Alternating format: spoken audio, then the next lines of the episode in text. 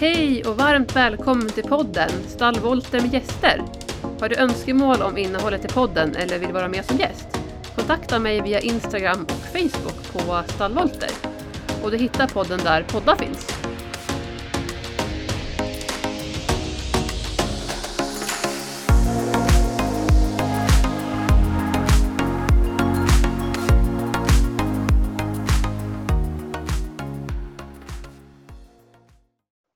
Hej Jossan och välkommen till podden igen.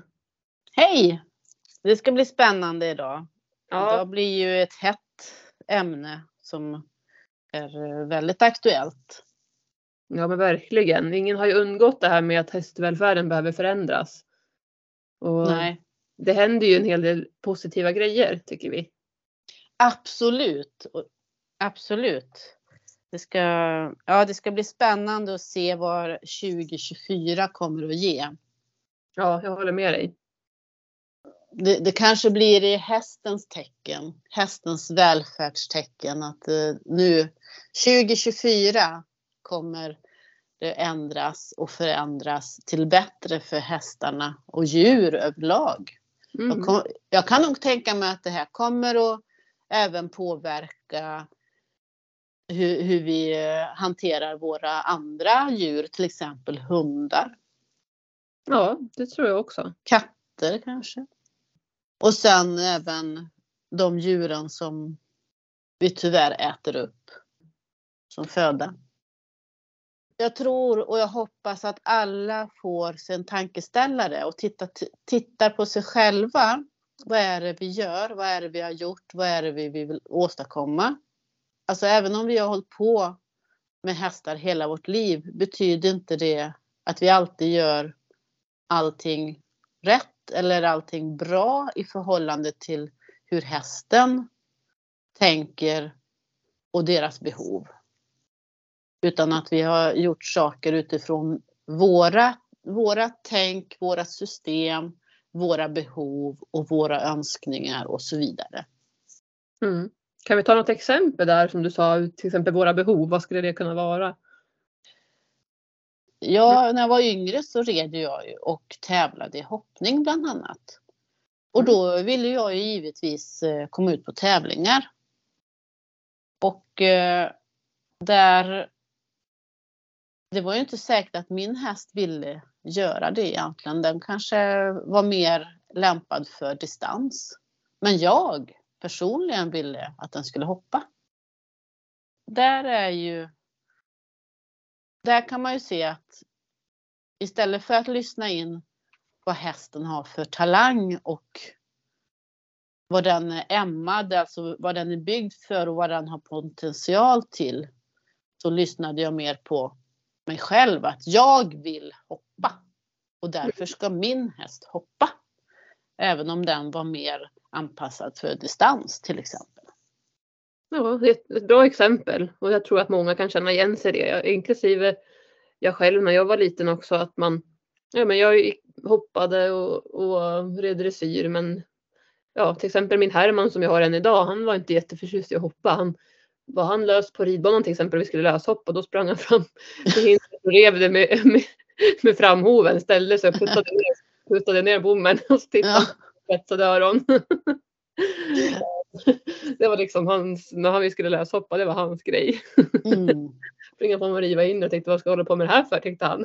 Ja, ja men precis. Ja, men det, det var ju, ja. Jag gjorde ingen stor grej av det. Man var väldigt tydlig med att det här, det här vill inte jag hålla på med. Mm. Antar jag. Jag vet inte om det var det men det kändes lite som att det var det han försökte tala om i alla fall. Säkert, Ja. säkert. Eller om det bara var att han såg att jag skrattade och fick mig på, på bra humör. Jag vet inte. Ja, han kanske såg det som en lek. Ja, men jag har hittat en ny lek. Att eh, om jag puttar ner de här så händer det där. Ja.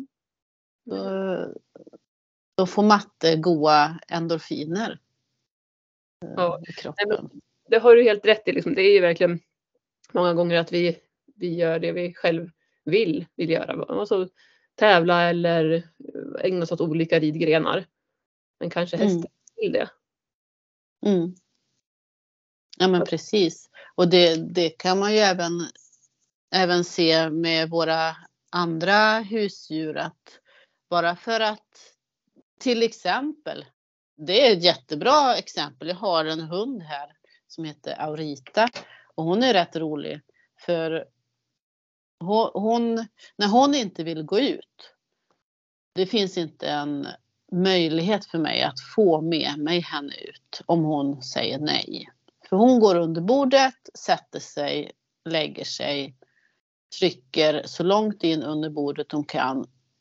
Och då är ju jag ju rätt korkad om jag säger du ska gå ut bara för att jag vill gå ut. Hon mm. visar ju med hela sitt kroppsspråk att nej, låt mig vara, jag vill vara i fred, jag har inget behov av att gå ut mm. nu. Medan när hon vill gå ut och jag är på väg ut, då kommer hon i full sula och säger ja men jag då Matte, kan mm. jag få hänga med? Så, så, så det är ju, och, och där är det också sådär att vad, vad är viktigast egentligen? Är det att jag personligen ska ut och motionera och därför vill jag ha med mig min hund? och då kräver att min hund ska gå med mig bara för att jag vill ut och promenera. Det är egentligen inte okej. Okay. Nej. Så där får jag ju ta och gå ut med mina stavar i så fall. Lyssna in vad djuret vill. Mm. För det är ju inte så att hon går och kissar och bajsar inne. Nej. Nej, har djuret ett behov av att gå och kissa och bajsa till exempel, eller hunden, så kommer ju hunden vilja eller visa det. Liksom. Mm. Mm. Sen är det klart att det kan ju vara så att vi har en, tids, en tidsschema, en, en tidspress. För man kanske till exempel säger att man åker hem på, på jobbrasten för att rasta sin hund. Eh, då kanske man inte kan vänta ut tills hunden är kissnödig. Så då kanske man ändå måste ta den där promenaden. Så det är klart att det kan finnas situationer där man faktiskt behöver göra det för att vi människor har våran tids, våra tidsramar som vi måste anpassa oss till. Mm, ja men så är det ju absolut. Det vara liksom. Ja. Men jag kan ta ett annat exempel just det här med att gå ut med min häst, med min shetlandsponny. Mm. Han var sjuk förut. Eh, och behövde stå inne en tid. Sen när, vi var, när det började bli dags för honom att börja gå ut och sådär lite grann och röra på sig. Så vet jag att han, jag minns att han vid några tillfällen, för han brukade få stå på stallgången och käka hö lite grann där med mig. Så här, liksom, ja, och sen så skulle vi gå ut i hagen, men han visade att nej, jag vill inte gå ut och det visade han genom att han, han vände huvudet liksom mot sin box och ville inte gå ut när jag tog i grimskaftet lite, lite lagom sådär. Så bara, nej, jag vill gå in. Och då tänkte jag, men kom nu sådär var min första reaktion. Kom så går vi. Nej, jag vill inte gå. Han verkligen så här, började, han ruskade till och med på huvudet också då. Mm. Eh, och då tänkte jag, men han vill ju inte ut. Nej, men då får han vara inne. Mm. Och sen så testade vi ett senare tillfälle under dagen och då vill han gå ut. Mm. Så att eh, ja, hästarna visar ju också så det gäller att vara uppmärksam till, de här, till, de här, till kroppsspråket vad hästen menar. Absolut, absolut. Och där kan vi ta till exempel hästar som slår upp huvudet i tid och otid när man rider dem. Just det. Och då, då behöver man ju ställa sig frågan, vad handlar det här om? Vad, vad kan vad kan grundorsaken till vara till att de gör så här? Eller den här hästen gör så här.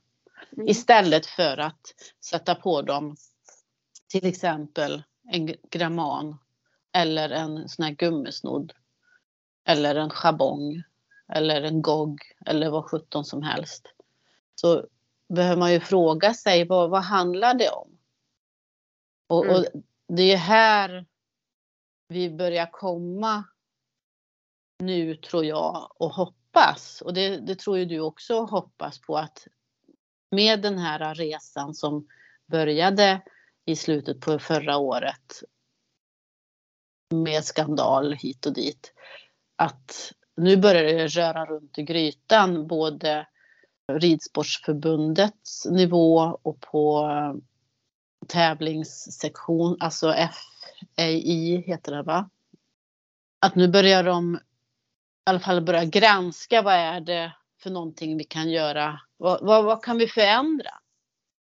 I våra reglementen, vad kan vi göra för att få en bet, ett bättre klimat på tävlingsbanorna för först och främst för unghästar, men jag tycker att det ska ju ändå vara för alla hästar, inte bara för unghästar. Nej. Sen är det väl bra att man inriktar sig på unghästar för det är ju de klasserna som jag kan uppleva har blivit mycket hårdare. Alltså att man har högre krav på för unga hästar. Och om man, om man går tillbaka till ja, eh, många, många år, början på 90-talet. Ja, det är ju rätt många år sedan. Men jag var ju med på treårstest till exempel då och, och då var det ju inte att de skulle gå på tygen eller att de skulle gå, gå fint. Det, var, det handlade mest om att domarna skulle kunna se hästen röra sig i skritt, trav och eventuellt i galopp. Det var liksom ett plus om, om man fick galopp. Men det var inte, inget krav. Som, som idag. Att det, det är större krav och, och det är väl här de om jag har läst till mig rätt så här börjar det väl ändå röra runt i grytan. Att eh, det ska ändras på, på reglemente, på, på kraven, på domarkraven. Och domarna behöver ju faktiskt få en förändrad, ett förändrat klimat också. Alltså att man tittar på andra saker. Mm. Jag vet ju att det är en del domare faktiskt som har avsagt sig att de vill inte fortsätta. De tänker inte göra sitt, uh, sin uppgradering för att de, de kan inte stå bakom det här längre. Nej. Eller domare som faktiskt dömer för en mer korrekt ridning och då har dömt ner ritter som andra har dömt upp. Och då har de fått skit för att de har dömt ner dem på grund av att det har varit en mindre bra ridning om man tänker me mekanik för hästen. Så det, och det är ju sorgligt att sådana domare får skit för det. Nu, nu kommer ju de att få en upprättelse, tror jag. Hoppas jag. Att, eh, att det kommer att vara fler domare som börja se, ja men det, det är bra att döma ner när man rider för hårt eller när man befrämjar inkorrekt rörelsemönster. Alltså att hästen faktiskt inte går under sig. Att de, det, det finns ju många bitar vi kan gå in och grotta ner oss i. Men, mm. men överlag att, att värderingen förändras i domarpoängen. Ja men verkligen, det, det, behövs ju, alltså det behövs ju på alla, på alla ställen tänker jag. Mer eller mindre. Alltså, och man måste ju börja, som säger, både ja, men, som domare och jag tänker på utbildningar och på alla ställen liksom att man måste börja se över lite grann. Hur, vad, vad kan vi förändra? Vad behöver vi förändra här? Mm. Ja, ja men precis. Och det, det är ju så som du säger, ja, men på utbildningar. Ja, men vad är det för utbildningar som behöver granskas och förändras? Ja, men det är ju egentligen samtliga utbildningar. Mm. Det, det är inte bara en utbildning. Det är, jag tror faktiskt att det är samtliga utbildningar som behöver analysera och granska och utvärdera och plocka bort och byta ut och och vända och vrida på vad, vad, vad är syftet med att vi gör så här? Vad är, vad är grundorsaken? Vad, vad är målet med att vi gör så här? Kan vi göra det på ett annat sätt? Vad kan vi göra för att befrämja en bättre hästvärld, en bättre hästvälfärd, ett bättre hästtävlande eller ridtävlande? Om vi nu ska fortsätta med att tävla. Jag läste någon artikel om att, eh, eller om det var, nej det var nog på radio jag hörde något inslag om att eh, tävlandet kan jämföras med, med eh, tjurfäktningen i Spanien. Okej, det har jag missat. Berätta, mm. vad, vad var det för Ja, det, det, det, här var någon person som inte var insatt i, i ridvärlden överhuvudtaget och jag kan se paralleller, absolut. Därför att tjurfäktning det är ju fruktansvärt. Mm. Det är ju också faktiskt på människans behov. Alltså, vi gör det inte för hästarna eller vi gör det inte för tjurarna heller för den delen. Nej. Vi gör det för nöjes skull. Mm. Och, och varför tävlar vi? Egentligen. Ja. Det är ju för att det är kul. ja, och det är, inte, det är ju inte för hästens skull. Nej. Utan det är ju för oss själva. Ja. Jag kan se kopplingen. Hur de har gjort kopplingen. Eller hur den här personen har gjort kopplingen. Absolut. För om man eh, ser i stora drag så kan man ju säga ja men det är ju för att det är kul och för att vi vill och för att vi tycker att det är roligt och för att vi vill framhäva våran, eh, att ja, men jag, är, jag är duktig. För jag menar om jag, om jag kommer få en placering så blir det ju ännu roligare, eller hur? Och det är ju, det är ju likadant med, med tjurfäktningen. Om jag är en bra matador så får jag ju mycket credit för det. Mm. Eh, Så, så det kanske, ja, det, jag kan förstå liknelsen. Jag kan, Mm. först, jag kan förstå liknelsen och Ja, det eh, är Inte ri- riktigt lika extremt som... nej, nej, nej, absolut inte. Nej. Eh, sen så tyvärr, då har vi ju sett att det finns ryttare, tävlingsryttare på hög nivå och på låg nivå och på mellannivå och i alla nivåer, i alla discipliner där det har förekommit övervåld på hästarna. Mm. Och där är det ju faktiskt inte långt ifrån Nej, det är det inte. ridmässigt om, om, man, om man tar det så då. Alltså, vi, ska inte, vi ska inte förbättra oss jämfört med, med eh, andra. Vi ska inte förminska det vi håller på med.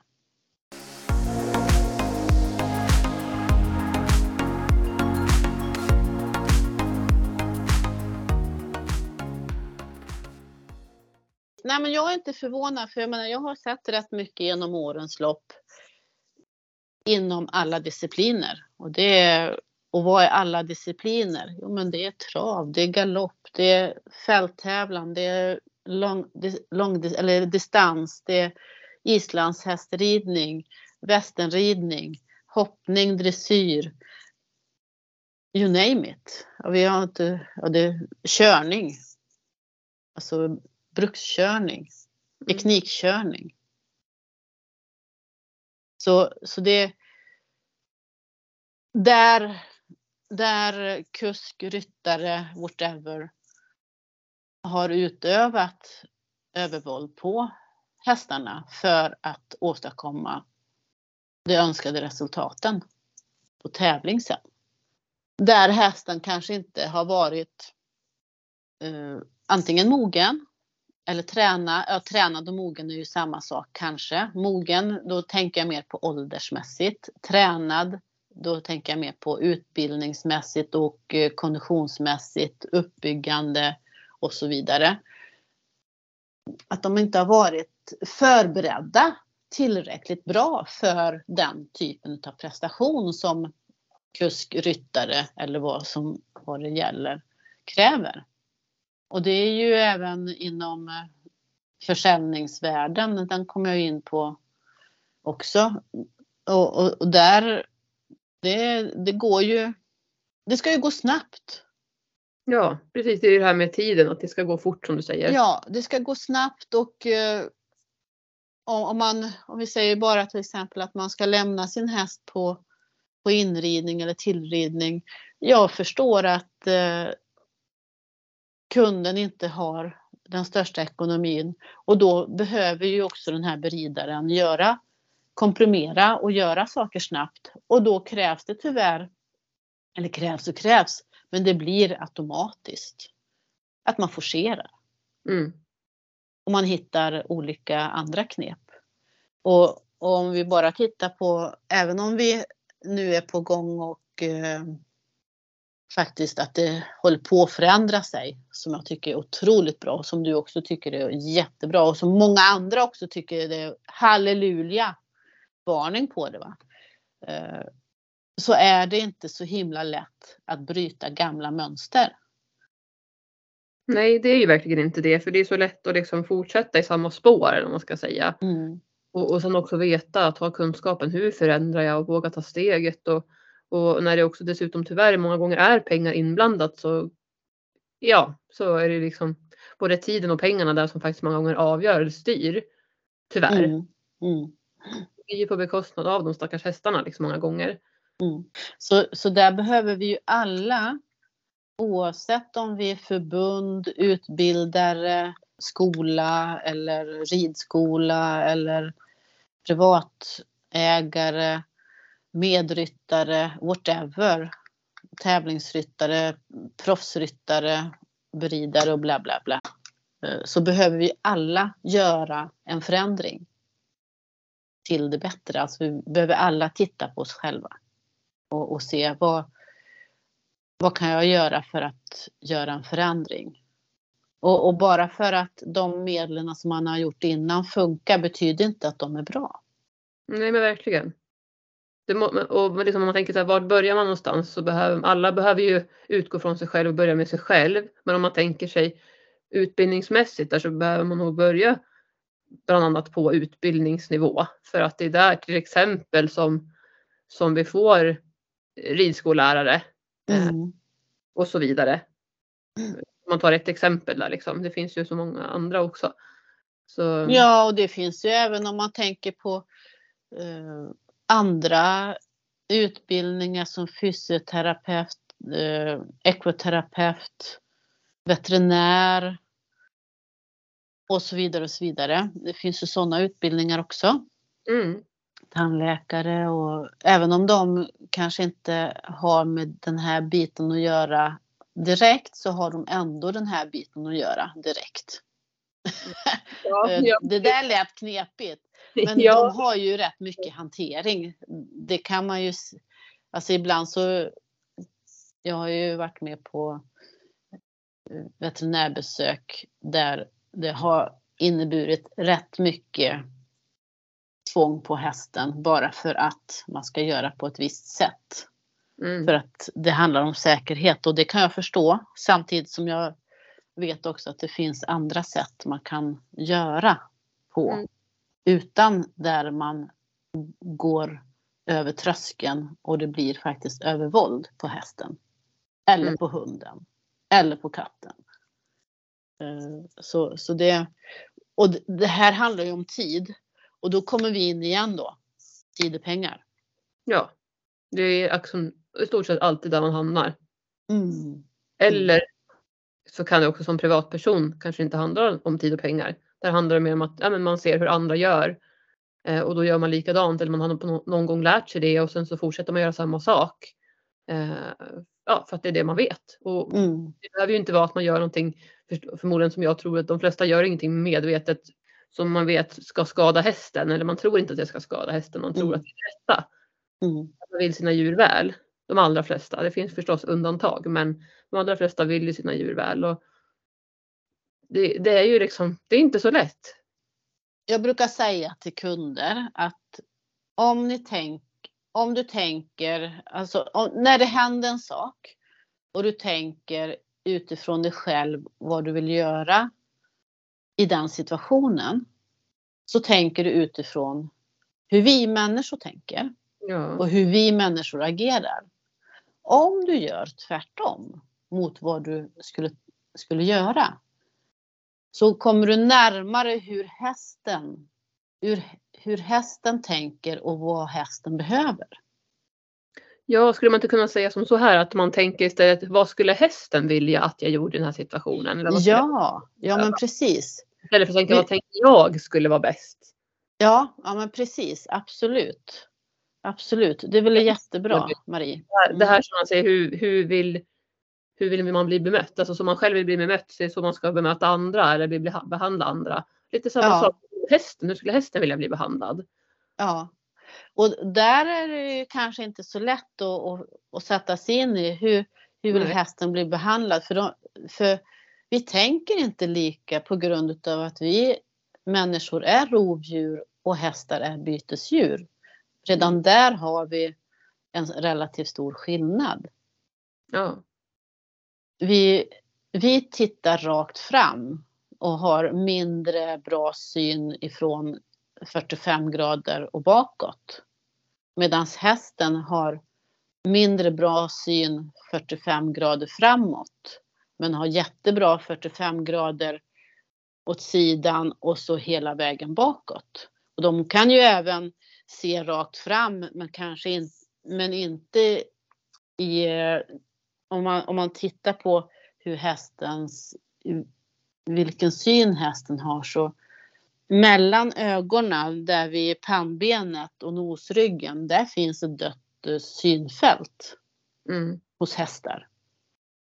Och hos oss så har vi väldigt bra syn rakt fram och även mitt emellan, alltså vid, no, vid, vår, vid våra näsa och framåt. Vi kan ju titta vindögt så kan vi ju se våra näsa. Det kan inte hästen till exempel. Och där behöver ju vi tänka att undvika att stå i vägen. Det är därför rätt många olyckor händer för att vi står i vägen.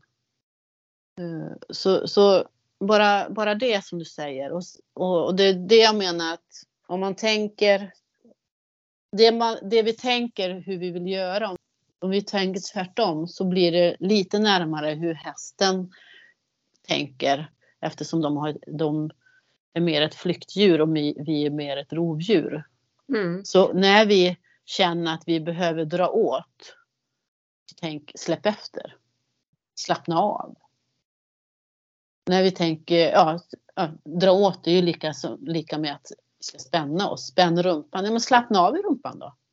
Istället. Mm. Till exempel har en het häst så vet nog de allra flesta att det brukar oftast inte hjälpa att korta tyglarna ännu mer och hålla ännu hårdare i tyglarna utan det är oftast tvärtom. Hästen vill ju ifrån det där trycket Ja. och vill ju därifrån liksom, och vill ju att man ska släppa efter. Och det går ju emot våra instinkter. Ja, Ja, men det är lite åt det hållet jag menar att om vi går emot våra instinkter och tänker tvärtom.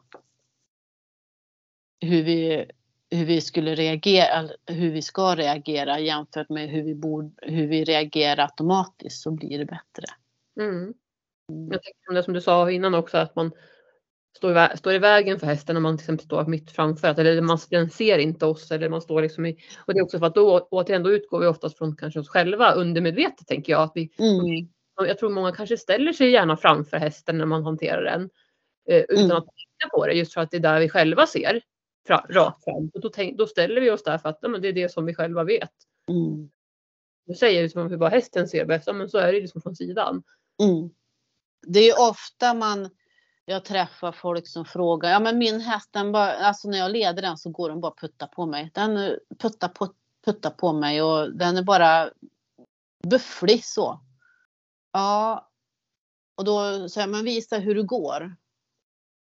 Väldigt ofta, alltså 99 procent, så går de i, hästens väg. Så då bara utav att flytta sig ett och ett halvt steg åt sidan gör att hästen slutar buffla på en.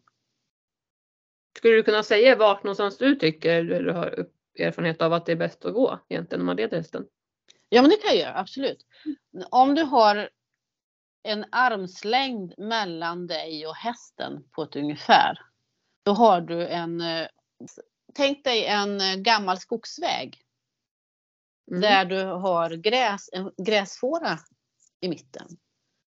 Så om du tänker dig att hästen går på ena hjulspåret och så har ni gräsfåran mellan dig och hästen och så går du på andra hjulspåret. Nu är ju det en trakt, gammal traktorväg är ju rätt så bred. Så Ja. jag menar inte att det ska vara två meter emellan. Det är inte så jag menar. Men om, om man kan generellt säga att om du, om du tar i hästen, i, i sidan på, på grimman på hästens huvud. Om du sätter dina fingrar där så har du ett relativt bra måttband. Att så långt som din arm är, så långt avstånd mellan dig och hästen, det blir rätt lagomt. Så om du är en liten person, då går ju du automatiskt närmare, eller hur? Ja. Och om du är en längre person så går du automatiskt längre ifrån. Och det här handlar om proportioner. För proportionen är detsamma. När du är en liten person så, så tar du inte lika mycket space jämfört med när du är en större person. Då tar du mer space och därför behöver du också ha, ha mer mellanrum mellan dig. Mm. Jag brukar prata om hästens zon, brukar jag prata om att hästen Ja. har sin zon och vi har våran zon. Och liksom att man Ja. har den här zonen. Ja, ja. Om man tänker sig då också, då har vi avståndet ifrån vart någonstans i, i, i position in till hästen. Förstår du vilken vinkel hästen ska man stå, gå i tycker du? Då? Ska man gå bredvid hästen vid frambenet? Ska man gå vid huvudet? Ska man gå framför, snett, alltså snett framför hästen? Jag tycker alltså som generellt om man inte har tränat hästen och ryttaren i de olika zonerna. Man kan ju dela in hästen i fem zoner. Och, och jag vet inte om vi ska gå in på det. Vi kan ta det i ett annat avsnitt. Ja? ja det, kan, det kan vi absolut göra. Men om, om vi säger den generella positionen som, som jag upplever både människa och hästen tycker är rätt så bekväm. Det är när man går med, med positionen att du ser hästens huvud, ansikte i din dö, i, strax framför din döda vinkel, alltså vad ska vi säga 30 grader. Mm. Och då har du positionsmässigt så har du ungefär din axel vid hästens käkganache mellan, mellan där, där huvudet och halsen fäster.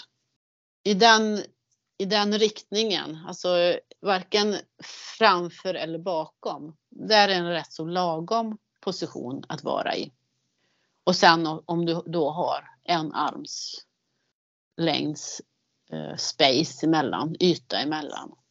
För då ser du hästen om hästen är på väg mot dig eller från dig eller framför dig. Alltså om den är på väg att gå förbi dig eller på väg att snika bakom dig. Och då Mm. har du mycket lättare att eh, manövrera och, och be hästen, nej men du, eh, kan det är bra om du håller dig här. Eller framförallt att du själv kan ta ett eh, sju steg till exempel, alltså ett jättekliv för att täcka mark för att komma ikapp. Eller att du saktar in så att du hänger med. Så det är Mm. inte bara hästen som ska anpassa sig efter våran takt, tempo rytm. Vi kan också anpassa oss efter hästens takt, rytm och tempo. Mm. Så Mm, det är ju tvåvägskommunikation där. Att det, det, Ja. det är inte bara den ena som ska anpassa sig efter den andra. Men där har vi också kommit in på det här med hästvälfärd. För det är ju samma sak där. Liksom, vad vill hästen helst att vi placerar oss vart det är bekvämast för hästen? Mm. För vi får ju tänka på att hästen det är ju det är ju liksom inget rovdjur som vill äta upp oss utan de, de, vill, ju vara, de vill ju vara kompis med oss. Liksom. De vill ju Ja, göra det bästa för oss alla. Liksom. Så. så, så där upplever jag. Och sen så vet jag ju att det finns en uppsjö läror där man, andra läror där hästen ska gå bakom en och där hästen ska gå framför en och, där, ja, och så vidare. Ja, verkligen. Men om vi tittar på hur när hästarna rör sig i flock. Har du, har du tänkt på det någon gång? När de har, om du har sett en bild, en sån här um, helikopterbild på vildhästarna när de springer. Mm. Titta på en sån bild så kan du se kopplingarna där, hur de har placerat sig jäm, jämte varann. Jag kan se det framför mig utan att jag ser det så. Jag kan se en bild i mitt huvud. Mm. Ser du springer- då Du menar att de springer lite jämte varann? Eller? nästan, ja men precis, då har de huvudganache Ja, ofta. Ja just. Ja. Huvudganache, huvudganache. Sen så eh, och, och då kan man se vilka vilka par de är. Alltså vilka som springer med vilka. Mm. Och, och det här och, och eh, det finns väl ingen vetenskaplig studie på detta men, men när man tittar mycket på vildhästar och eller jag har ju inte sett några vildhästar i verkligheten så. Men eh, om man tittar på filmer, om man tittar på bilder kan man analysera och, och, dra egna kopplingar. Sen ska ju inte jag säga att jag har alla sanningar för då, då blir jag ju Pinocchio och ljuger stort. Samtidigt som jag ändå kan... Eh, det finns kopplingar i alla fall.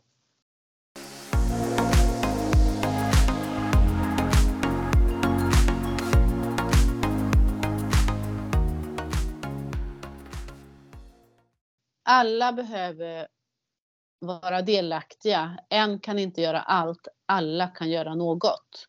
Och där kommer ju också Ridsportförbundet in. För någonstans behövs det börjas och göra förändringar. Mm. Och varför inte börja med högsta hönset, Ridsportförbundet, som spindeln i nätet till många andra bitar. Verkligen så, jag håller med dig där. Och, ja, för det är där många tittar liksom och går efter det och då behöver vi ju bland annat börja där. Mm. Så ja, vad vi kan göra åt det hela för att nå den här hästvälfärden som vi säger för att det ska bli ett, ett riktigt bra 2024.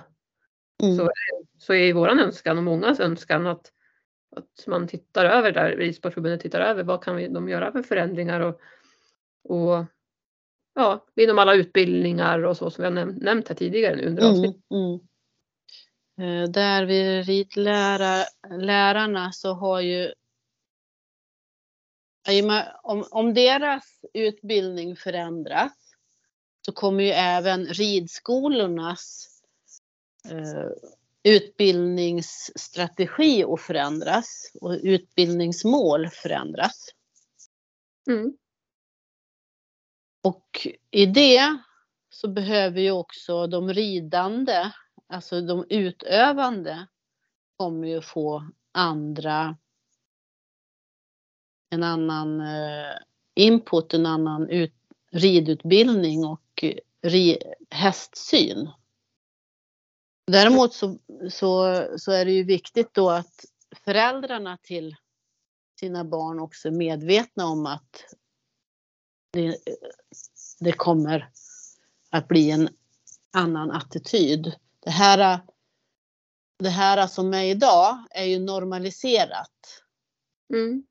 Och, och för att det ska kunna brytas så behöver det även brytas på ridskolorna. Mm. Kan du specificera lite mer vad du tänker på då? Att det är okej okay att forcera vissa vissa moment, till exempel hanteringen i boxarna utav hästarna eller när de står uppbundna. Att det, det ska på med sadla fort och dras åt fort och mm. sitta upp fort och och när, om det händer en incidens i ridhuset så är det viktigt att sitta upp fort och istället för att ta det lite lugnt och andas och mm. känna in och låta hästen komma tillbaka innan den får en ryttare på ryggen igen. Mm, till exempel. Ja, jättebra exempel, verkligen. Ja, jag håller fullständigt med. Och, och, och att eh, ridskolorna tränar sina hästar lite mer har lite mer toleransträning för hästarna, lite mer miljöträning för hästarna i ridhusen till exempel. Gör att de blir lite säkrare och tryggare och det här kan ju eleverna få vara med på. Ja, de brukar tycka det är superkul ju. Och sådana saker kan ju vara tema, tematillfällen till exempel. Att man utnyttjar tematillfällen till, till att träna, mentalt träna hästarna. Mm. Så tänker jag också det här att föräldrar eh, och även det är också vuxna som rider till exempel på ridskola att man förstår också att det för det är ju idag generellt nu då, nu generaliserar jag, det finns ju förstås också ridskolor som inte har men fokuset, största fokuset är ju oftast att lära sig rida. Mm. Och att man ser att det kanske kan behöva bli en förändring där med att man tar in ännu mer än vad man gör idag. Eh, kunskap om, om hanteringen av hästen och allt det här som du säger också. Att Mm. Hästens beteende. Ja. Få en mer variation skulle det kunna vara liksom. Ja. Och det här är förstås nu dina och mina tankar. Hur man ska Ja. kunna förändra så det är inget facit på något sätt. Eller, och vi säger inte att alla heller, alla gör ju liksom olika. Det finns ju olika ehm, sätt på ridskolor hur man, hur man är. Men, men det har nog ändå varit som du säger, en, har blivit, normaliserat att på ridskolan så lär man sig rida. Liksom.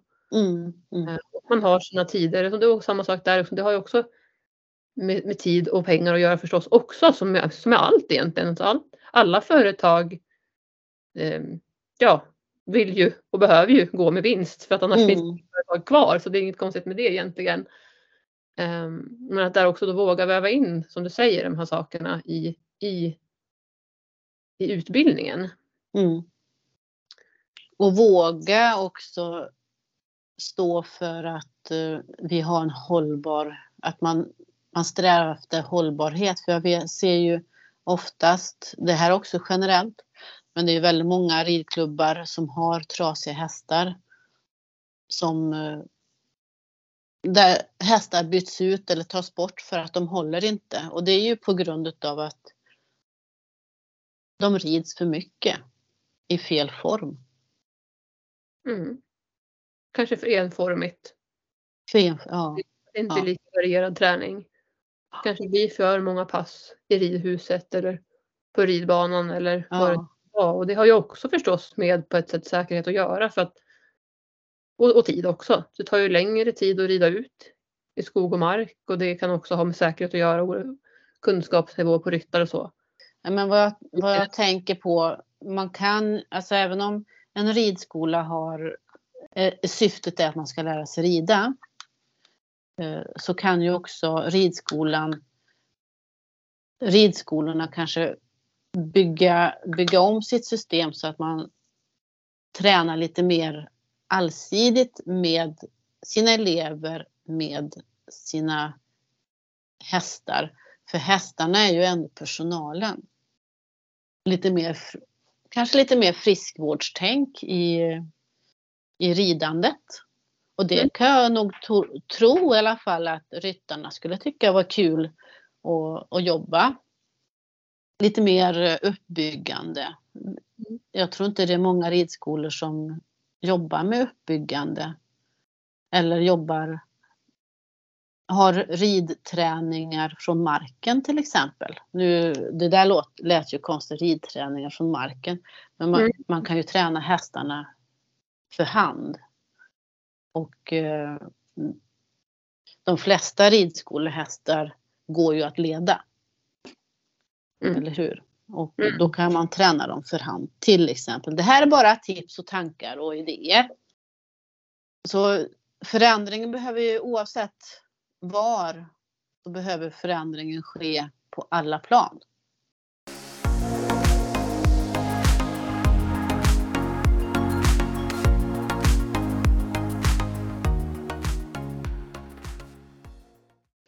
Och, och det som vi människor har emot oss lite grann som vi behöver sätta åt sidan.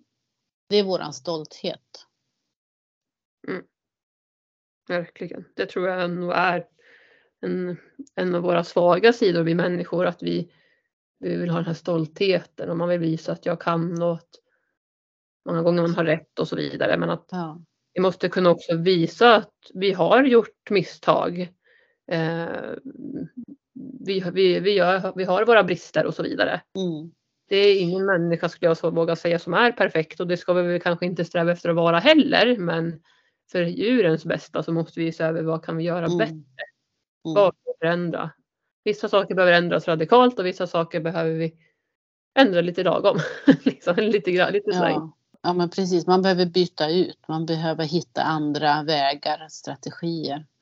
Och sen det här med misstag har jag fått lära mig för många, många år sedan. Det finns inga misstag, det finns bara lärdomar. Mm. Så det som man gör tokigt som har blivit mindre bra, det kan man göra om och göra bättre på ett annat sätt. Mm. Så det behöver aldrig vara ett nederlag att man har gjort det på ett sätt som har varit mindre bra. För om man inte vet, man kan aldrig göra någonting annorlunda om man inte vet hur man kan göra, förändra en sak. Nej.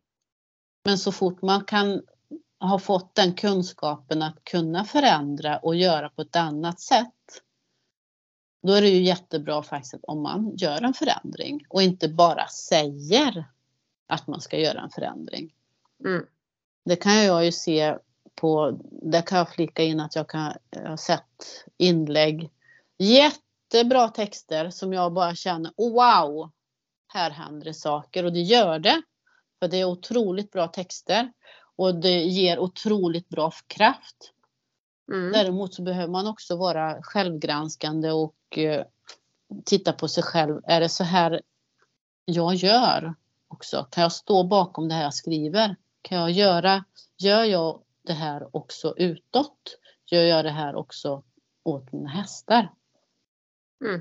Precis, och det är inte bara så, skrift till exempel, att man faktiskt efterlever det själv och också gör den här förändringen som du säger. Ja men precis, för annars så blir, annars så blir det ju inte, finns det inget värde i texten. Det Nej. blir helt, det blir tomt. Det är bara en text. Mm. Utan, utan grund. Så. Så, så det är väl också viktigt att uh, göra, göra det man skriver. Mm. Mm. Att, för, att man står för det man som man säger, som man skriver eller säger eller uttrycker sig. Liksom. Mm. Så, så vi, vi behöver vara snälla mot varann, eller mot oss själva också och mot varann. Samtidigt som vi behöver göra saker annorlunda och hjälpas åt och lyfta upp när vi ser någonting som är bra. Verkligen, där tror jag vi också kan, ja istället för att nedvärdera eller prata illa om eller kritisera och sådär så så är det mer vad kan vi göra för skillnad och vad kan vi göra tillsammans? Mm. Det är också det som är vårt budskap med bland annat det här avsnittet att det är inte för att kritisera någon på något sätt och vi säger inte heller att vi har något facit men vi vill ju vi har ju tankar och visioner om hur vi tycker, hur vi önskar att det skulle kunna vara i framtiden. Och det, ja men precis. Jag vet inte om du har sett Marie det finns lite filmer utlagda på ifrån England där de har tävlat utan huvudlag bland annat. Har du sett? Nej, de... det har jag inte sett faktiskt. Nej. Nej. Och det är ju det är lite spännande så att ja. det, det rör ju på sig eller det har ju rört på sig bara att det kanske inte har varit så officiellt. Men precis, ja. Det har varit lite i skymundan. Och det finns även i andra grenar där, där de har visat att ja, men det här går ju faktiskt att göra utan, utan både det ena och det andra. Nu, nu menar jag inte att allting ska vara utan huvudlag, det är inte så Nej. jag menar. Men, men mm. man kan göra saker på ett annat sätt. Mm. I alla fall. Allting är egentligen möjligt, det är bara frågan hur. Hur ska vi göra? Hur ska vi göra? Vad, vad är det bästa? Ja, förmodligen har det absolut rätta facit. Här kommer vi få anpassa oss och ändra och, och kanske också ja. ännu längre framåt. Varför gjorde vi så där 2024, 2025, 2026? Ja, precis. Det är så här vi skulle gjort istället. Ja. Det, livet är ju under ständig förändring som man säger. Så är det verkligen. Och vi det... lär i den också. Mm. Vi lär mm. oss av inom citationstecken våra misstag som egentligen inte är misstag utan det är lärdomar. Mm. Det är det verkligen. Och, och där skulle jag nog vilja säga också till alla som har egna hästar att om man har ett, ett, ett intresse, se till då, eller intresse till, till någon viss gren, se till då att ni har en häst som faktiskt tycker att det är roligt. Och om det är så att ni har en häst som kanske är min, som inte riktigt passar till den här grenen, då är det faktiskt okej okay att antingen byta gren till den grenen som din häst är mer anpassad till.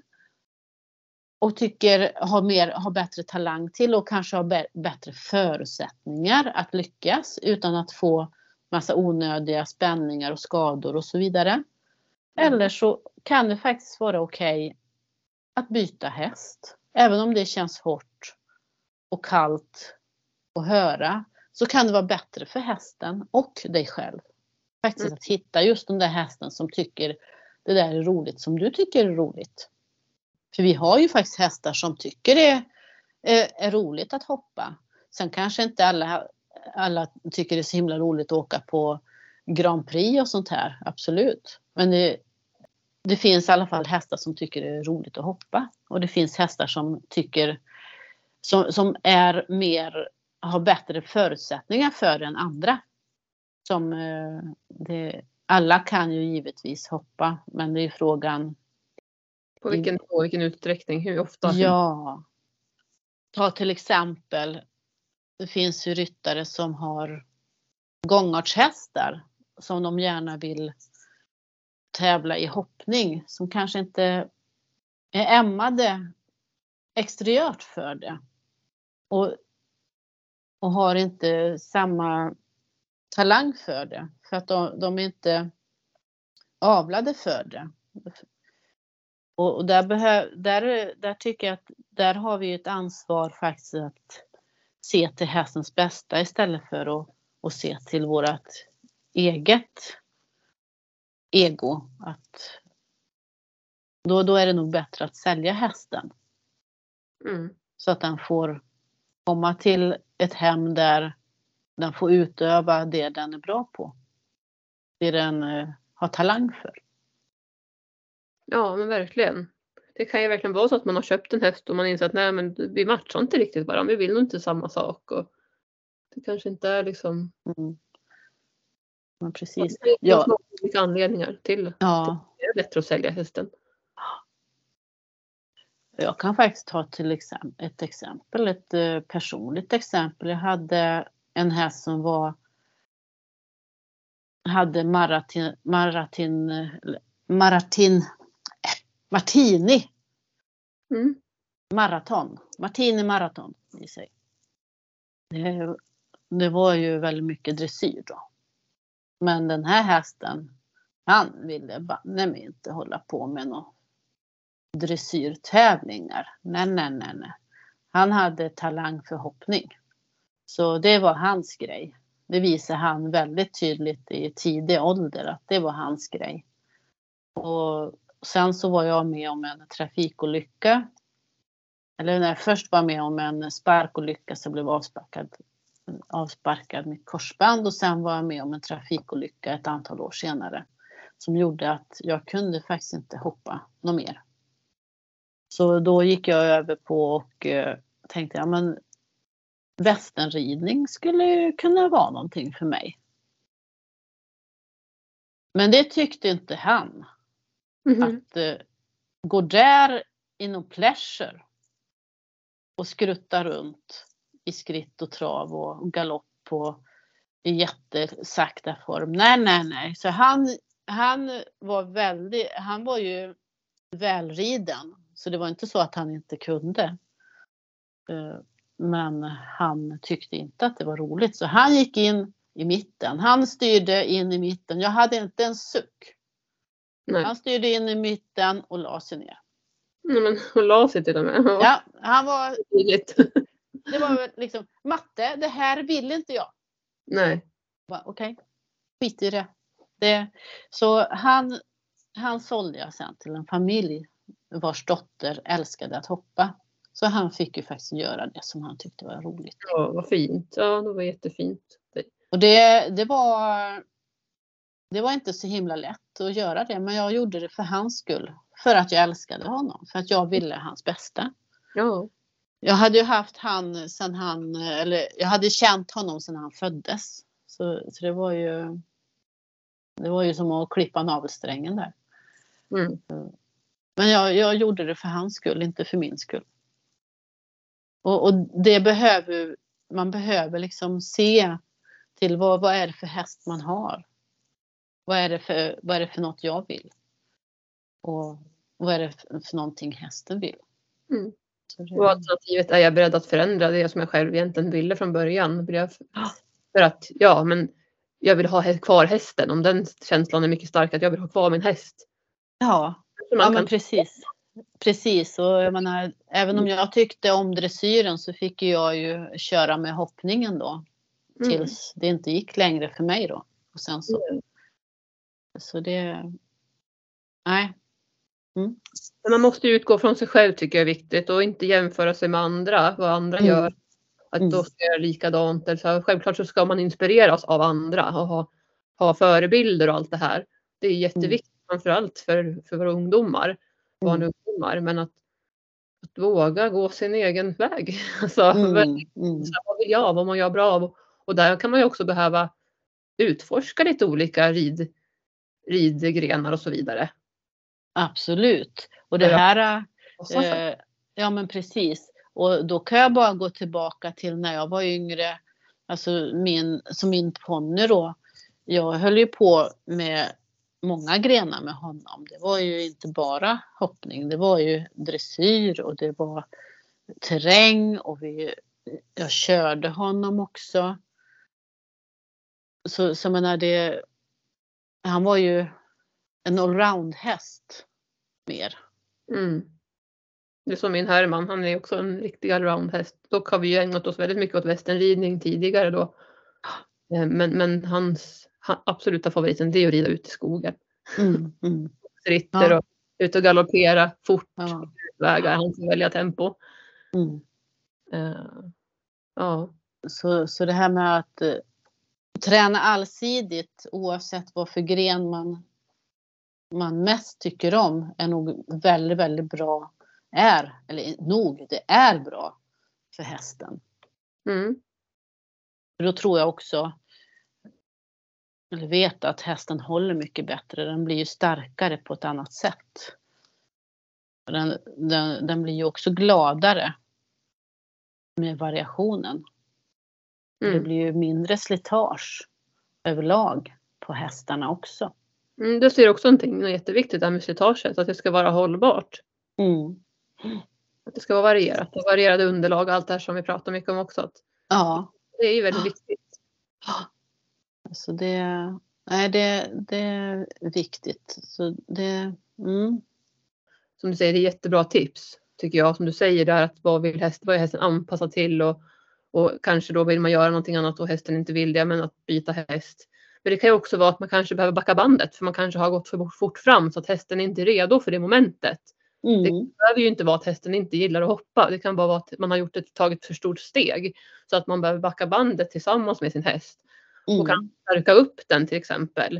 Eh, Mm. Så att den är beredd eller red, mer redo för hoppning till exempel. mm, mm. Och tänker jag också Absolut. vara att det behöver kanske inte vara så drastiskt att man ska sälja den eller byta gren. Eller att man bara så här, jag kanske har för, satt för höga krav. För att jag Mm. själv vill hoppa eller Mm. åka på tävling Mm. eller vad det kan vara. Ja men absolut. Det, det är jättebra Marie. Mm. ja, vad är vi redo för? Om, till exempel när jag köpte Abbe så, så var ju min tanke, men det kanske skulle vara kul att komma ut på tävlingsbanan. För jag har ju aldrig tävlat tidigare med hela mitt liv. Jag var Mm. på väg inom västernridning men av olika anledningar så livet kom emellan och det blev inte så. Eh, och då tänkte jag, men jag kanske ska göra det nu då. Mm. Jag insåg att Abbe var inte redo. Jag var inte redo. Så Nej. vi forcerar ingenting utan när vi känner den dagen att vi vill det här för att vi Mm. tycker att det vore jätteroligt både han och jag. Då kanske vi Mm. gör det. Men det är ingenting som jag har bestämt och sagt att det här det ska vi liksom. Utan det, ja, och det är personligen för att jag själv inte känner det behovet. Mm. Eh, För min, för min egen del så är mitt, mitt intresse och mitt behov det är att hela tiden känna att, att, vi gör, att vi har roligt tillsammans och att vi lär oss någonting. Att jag känner att han är glad på, på, på ridpassen. Eller Mm. Mm. det, det vi tränar. Vi rider ju inte bara som sagt, det är ju massa olika saker.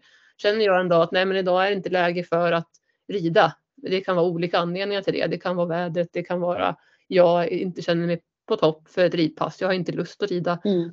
Han har, verkar inte ha lust heller för att rida. Han kanske har spänningar och eh, ja, vad det nu kan vara. Men då tar vi en promenad till exempel. Så att man, där tror jag nog många kan. Det, det skulle vara min, som jag vill dela med mig i det här avsnittet bland annat, är just att vad vill vi idag? liksom, eller vad, Mm, mm. vad kan vi göra istället? Jätte, jättebra Marie.